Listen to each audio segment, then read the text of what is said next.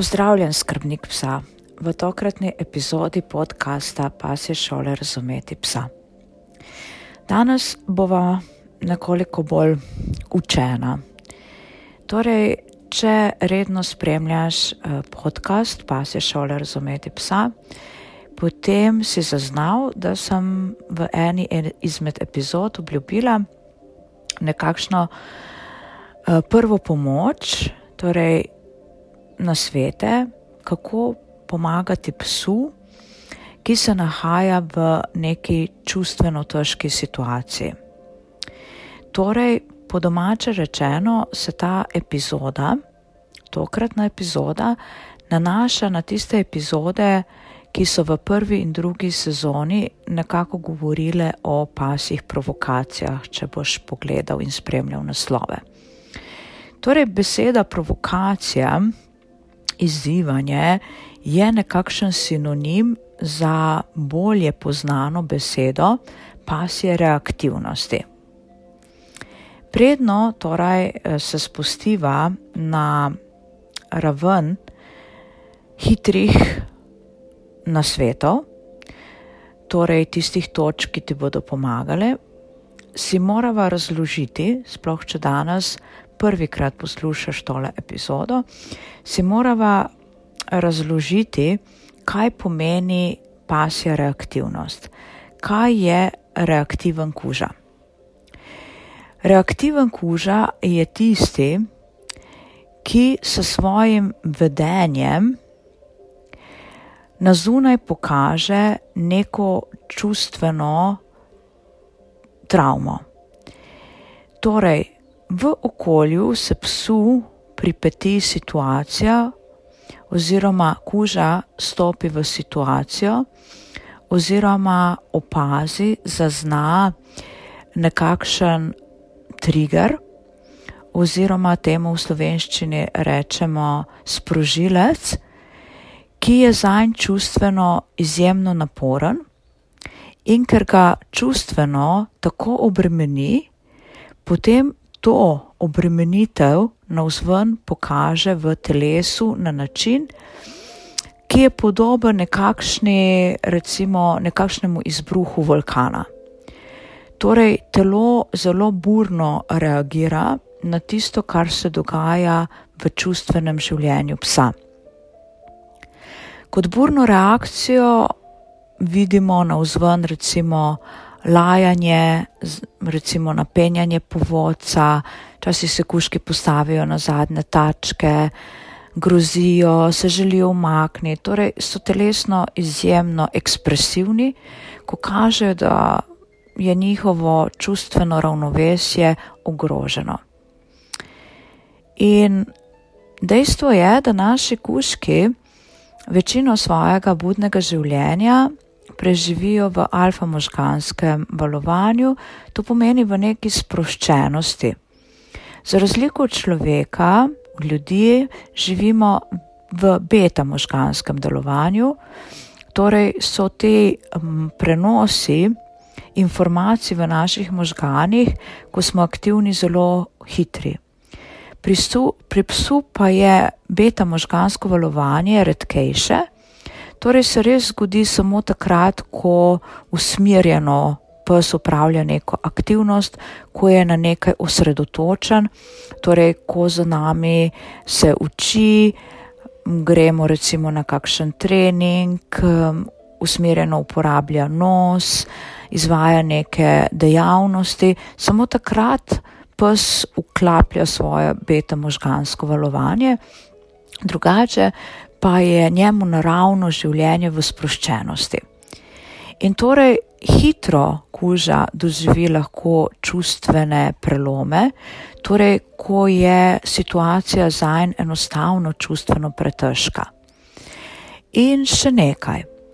Kužek recimo ne rad stopa v prepire. Psi so bitja, ki raje živijo v nekem soglasju, v nekem sozvočju. In v naravi, če bi bilo psu omogočeno, bi v situacijah, ki mu predstavljajo čustveno težo, torej v težavah, bi se kuža raje umaknil, kakor da bi se izpostavil nekemu bojevanju, zato ker ga morebitne poškodbe znotraj bojevanja ogrožajo. Torej, če je telesno kuža poškodovan, potem je njegovo življenje ogroženo. In zato se psi konfliktom izogibajo. Ker pa je v današnji družbi, v našem načinu življenja, v našem okolju to izogibanje pogosto nemogoče, zato ker smo, imamo pse pač pripete na povodce, ker je populacija psov precej gosta, se pes težko izogne situacijam, recimo, ki ga potisnejo v neko čustveno neravnovesje. In ko pride do tega čustvenega neravnovesja, potem pes to na zunanji način, na telesni način izrazi tako, da postane telesno ponavadi izjemno ekspresiven, kot sem že povedala, uh, zelo jasen, ne, da mu je nekaj neudobno. In sedaj, kako recimo psu pomagati? Ne? Uh, dejstvo je, da ko pes telesno pokaže nelagodje, neko čustveno nelagodje, takšen kuža potrebuje pomoč, potrebuje uh, uravnovešanje, potrebuje harmonijo. In tu, da pride do te ponovne vzpostavitve ravnovesja, tu moramo skrbniki prevzeti ulogo, da psu pomagamo. Ne? Ni dovolj, da si samo želimo, da pes ne bi na vzven pokazal nekega vedenskega odziva, ki nam ni všečno, ki je nam, skrbnikom, moteče, ki je moteče okolici. Ni dovolj, da si samo želimo spremembe vedenskega odziva psa, skrbnik mora nekaj na tem področju narediti, ker se samo od sebe ne bojo stvari spremenile. Potrebno je stopiti v akcijo. In v nadaljevanju ti bom ponudila nekaj točk, nisem jih razporedila po nekem vrstnem redu, ampak so pa to neke točke, na katere moraš biti pozoren, če želiš sploh stopiti v proces preobrazbe, spreminjanja pasih vedenskih odzivov, pasje reaktivnosti. Torej, želiš spremeniti pasi vedenski odziv, torej želiš iz psa, ki reagira burno, ustvariti pasjo dušo, ki je v situaciji umirjena. In recimo prva točka, ki jo želim izpostaviti, je ta, da se nauči brati nebesedna sporočila psa. Veliko skrbnikov sploh ne zna prebrati tiste namige psa, ki se oglašajo še predno, bo pes prestopil mejo čustvene uravnovešenosti. Torej, pes s telesom kaže svoje nelagodje, še preden se to nelagodje pokaže na vzven kot tista eksplozivna vulkanska telesna reakcija. Torej, ti polagam skrbnik na srce in dušo, da ozavesti, začni spremljati, brati pasje nebesedna sporočila. Nauči se prebrati psa. Zato, da boš kot drugič, kot druga točka, ukrepal, še preden kuža ne zmore več. Torej, potrebno je ukrepati, nekaj storiti, da kuža sploh ne bo prišel v to ekstremno vedensko ekspresijo. Torej, ni v redu, da kuža že vstopi v vedenje, ki kaže na to, da ne zmore več, temveč je potrebno ukrepati prej. Veliko krat slišiš za izraz, da je kuža v rdeči coni. To, da je kuža v rdeči coni, ne pomeni nič drugega kot to, da je v tej čustveni ekspresiji, da telo navzven izraža to popolnoma porušeno ravnovesje, čustveno ravnovesje psa. Da pride do tega čustvenega neravnovesja, se v pasih možganih začne dogajati tisto beta valovanje. Te možganske povezave, te možganske, te možganske avtoceste, po njih kar naenkrat začnejo sporočila šibati, se voziti z takšno res visoko hitrostjo.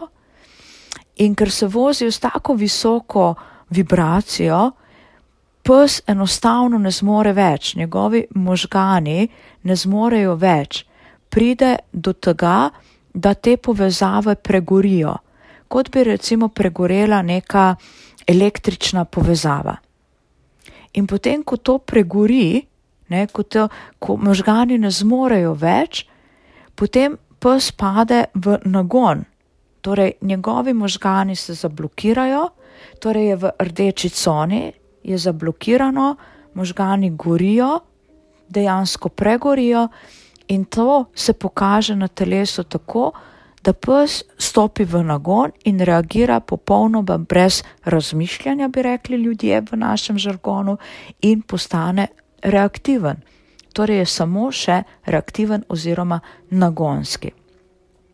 In potrebno je storiti to, da pes ne prestopi to rdečo cono, da ne stopi v središče tega ognja, ker enostavno boš samo še gasil požar. Ukrepati je treba, je potrebno, preden pes prestopi to mejo, ko še zmore razmišljati. Tako, greva naprej.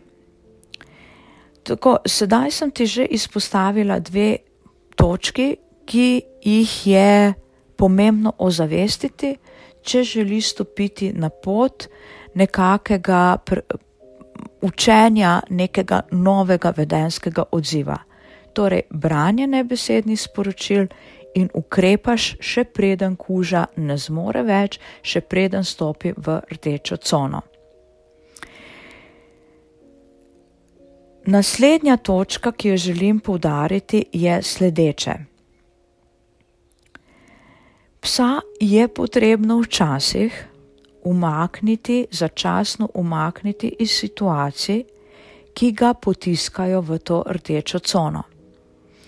Torej, če se kuža na dnevni bazi, celo na dnevni bazi ali v enem dnevu večkrat, sreča s situacijo, ki ga potisne v rdečo cono, v ta buren vedenski odziv potem si v možganih kuška se je že ustvarila ta dejansko avtocesta, po kateri se kuža non-stop vozi. In da bo to avtocesto, ta vedenski odziv lahko začel bledeti, da ga bomo lahko začeli sploh nekako preusmirjati, preobražati, spreminjati, je potrebno to avtocesto za nekaj časa zapreti. Naj jo prerase pre, plevel, naj zbledi, da boš lahko v pasih možgani začel graditi, polagati neko novo nevronsko povezavo, neko novo cesto, nek nov vedenski odziv. Zato je psa pogosto potrebno umakniti iz te situacije, ki ga redno potegne v neželjeni vedenski odziv. Pri spremembah, pri teh vedenskih preobrazbah je vedno pomembno poskrbeti za neko razdaljo, med psom in pa med situacijo oziroma sprožilcem, ki na pasje vedenje vpliva tako, da to vedenje postane ekstremno. Torej je treba biti pazljiv na razdaljo. Kaj ti razdalja nam je v pomoč pri učenju novega vedenskega odziva. Če bomo poskrbeli, da je razdalja med sprožilcem burnega vedenskega odziva in psom dovolj velika, do tega burnega vedenskega odziva ne bo prišlo, torej pes ne bo stopil v rdečo cono in se bo lahko učil novega vedenskega odziva. Lahko boš gradil to novo avtocesto. Še naprej se spustiva v naslednjo pomembno točko. Poskrbi, da bo ta s psom živela po principu, da je hrana njegov plen. Pojdi na YouTube kanal Pasje šole razumeti psa in poslušaj vse tiste predavanja, ki se navezujejo na to točko. Pojdi na spletno stran šole razumeti psa in poglej tam predavanja ali zaprosi za dostop do brezplačnih predavanj, ki razložijo to, kaj pomeni živeti po principu, da je hrana plen. Poudarjam, princip, da je hrana plen, ni princip, da hraniš psa iz roke. To je popolnoma nekaj drugega. Zato poskrbi, da se tega naučiš. Kaj ti? Pri spremembah vedenskih odzivov, pri učenju novih vedenskih odzivov je hrana tvoja najmočnejša podpora, najmočnejše orožje. Zato se ozavesti, zato sprejmi znanje, kaj to pomeni, nauči se, kaj to pomeni, da boš lažje potem naprej učil psa. Treba se je prav tako zavedati, da ima hrana za tvojega psa različno vrednost. Nauči se, sam sebe poduči, kakšno hierarhično vrednost ima v življenju tvojega psa določena hrana. Prav tako se nauči tehnike vodenja psa s pomočjo hrane. Upiši se, ne vem, v tečaje, v spletne tečaje, poišči tiste šole, ki to tehniko uporabljajo, kajti ta tehnika je dragoceno orodje pri spremembah vedenskih odzivov. Sebe nauči umirjanja. Torej, če želiš spremeniti čustveno, burno čustveno reakcijo svojega psa v vedensko reakcijo, ki je umirjena, potem je ključ do tega tudi to, da si sam umirjen. Tudi če prideš v učnih procesih do točke, da pes ne zmore več in postane mm, telesno ekspresiven, torej razburjen, moraš ti sebe naučiti, da ohranjaš mir. Kajti samo tvoja stabilnost, tvoja osrediščenost, tvoja prizemljenost, tvoja notranja harmonija bo psu pomagala, da bo hitreje lahko vzpostavil lastno umirjenost. Kajti energije se pretakajo in naši psi so energijsko izjemno občutljivi. Oni namreč živijo v en, svetu energij, ki jih mi sploh ne zaznavamo, tako vibracijsko visoko, energijsko visoko so naši psi. Zato je to, da sebe naučiš umirjenosti in notranje stabilnosti, lahko samo v pomoč tvojemu psu, oziroma je nujna sestavina pri učenju psa novih vedenskih odzivov v določenih situacijah. Prav tako greva še na naslednjo točko. Nauči sam sebe takšne odzivnosti, ki je hitra in pa odločna in poteka brez nekega velikega razmišljanja. Torej je tudi tvoja reakcija, če se mora zgoditi, učinkovita, stabilna, odločna. Tega se je potrebno naučiti. Prav tako, še naprej, naslednja točka. Psa privajaj na opremo, ki tebi in pa njemu daje občutek varnosti, občutek tega, da sta sposobna te vedenske transformacije, te, tega učenja novih vedenskih odzivov. Pes in ti morata biti na opremo, ki jo bosta uporabljala, morata biti te opreme vajena, da bo oprema v vajno dobro. Hkrati moraš s psom graditi odnos, moraš graditi komunikacijo preko vzgoje. Upiši se ponovno, upiši se v tečaje, upiši se v spletne tečaje, upiši se v neke dejavnosti, ki pomagajo pri tem, da s psom gradita komunikacijo, da se razumeta, da gradita na odnosu, da bo potem preobrazba, transformacija, učenje novih vedenskih odzivov lažje, ker boste s psom vešča sodelovanja na različnih področjih. Psom si morata namreč zaupati, pes mora poznati tebe in ti moraš poznati psa, morata imeti vse čas odprt komunikacijski kanal. Zavedaj se, da je učenje novih vedenskih odzivov tek na dolge proge. Torej, moraš biti pripravljen in potrpežljiv, da bo proces potekal kar nekaj časa. Ne?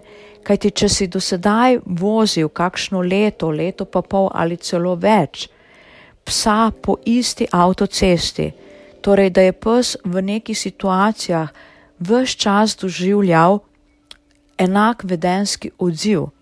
Da boš ta vedenski odziv sedaj spremenil, je potreben čas, je potrebno, potrebna potrpežljivost, je potrebno spoštovanje psa kot bitja, torej tega, da mu je potrebno dati toliko časa, takšne okoliščine, da bodo prinesle uspeh. In konec koncev je v spremembah pasih vedenskih odzivov vedno potrebno poiskati individualno strokovno pomoč.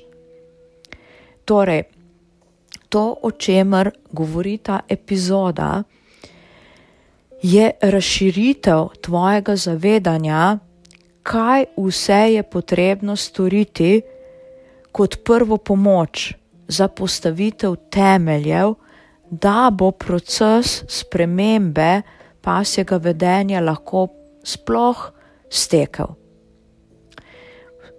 Nadgradnja pa je to, da vzameš, ne vem, greš na splet, vzameš telefon, uh, odpreš elektronsko pošto, napišeš, pokličeš, poiščeš strokovno pomoč.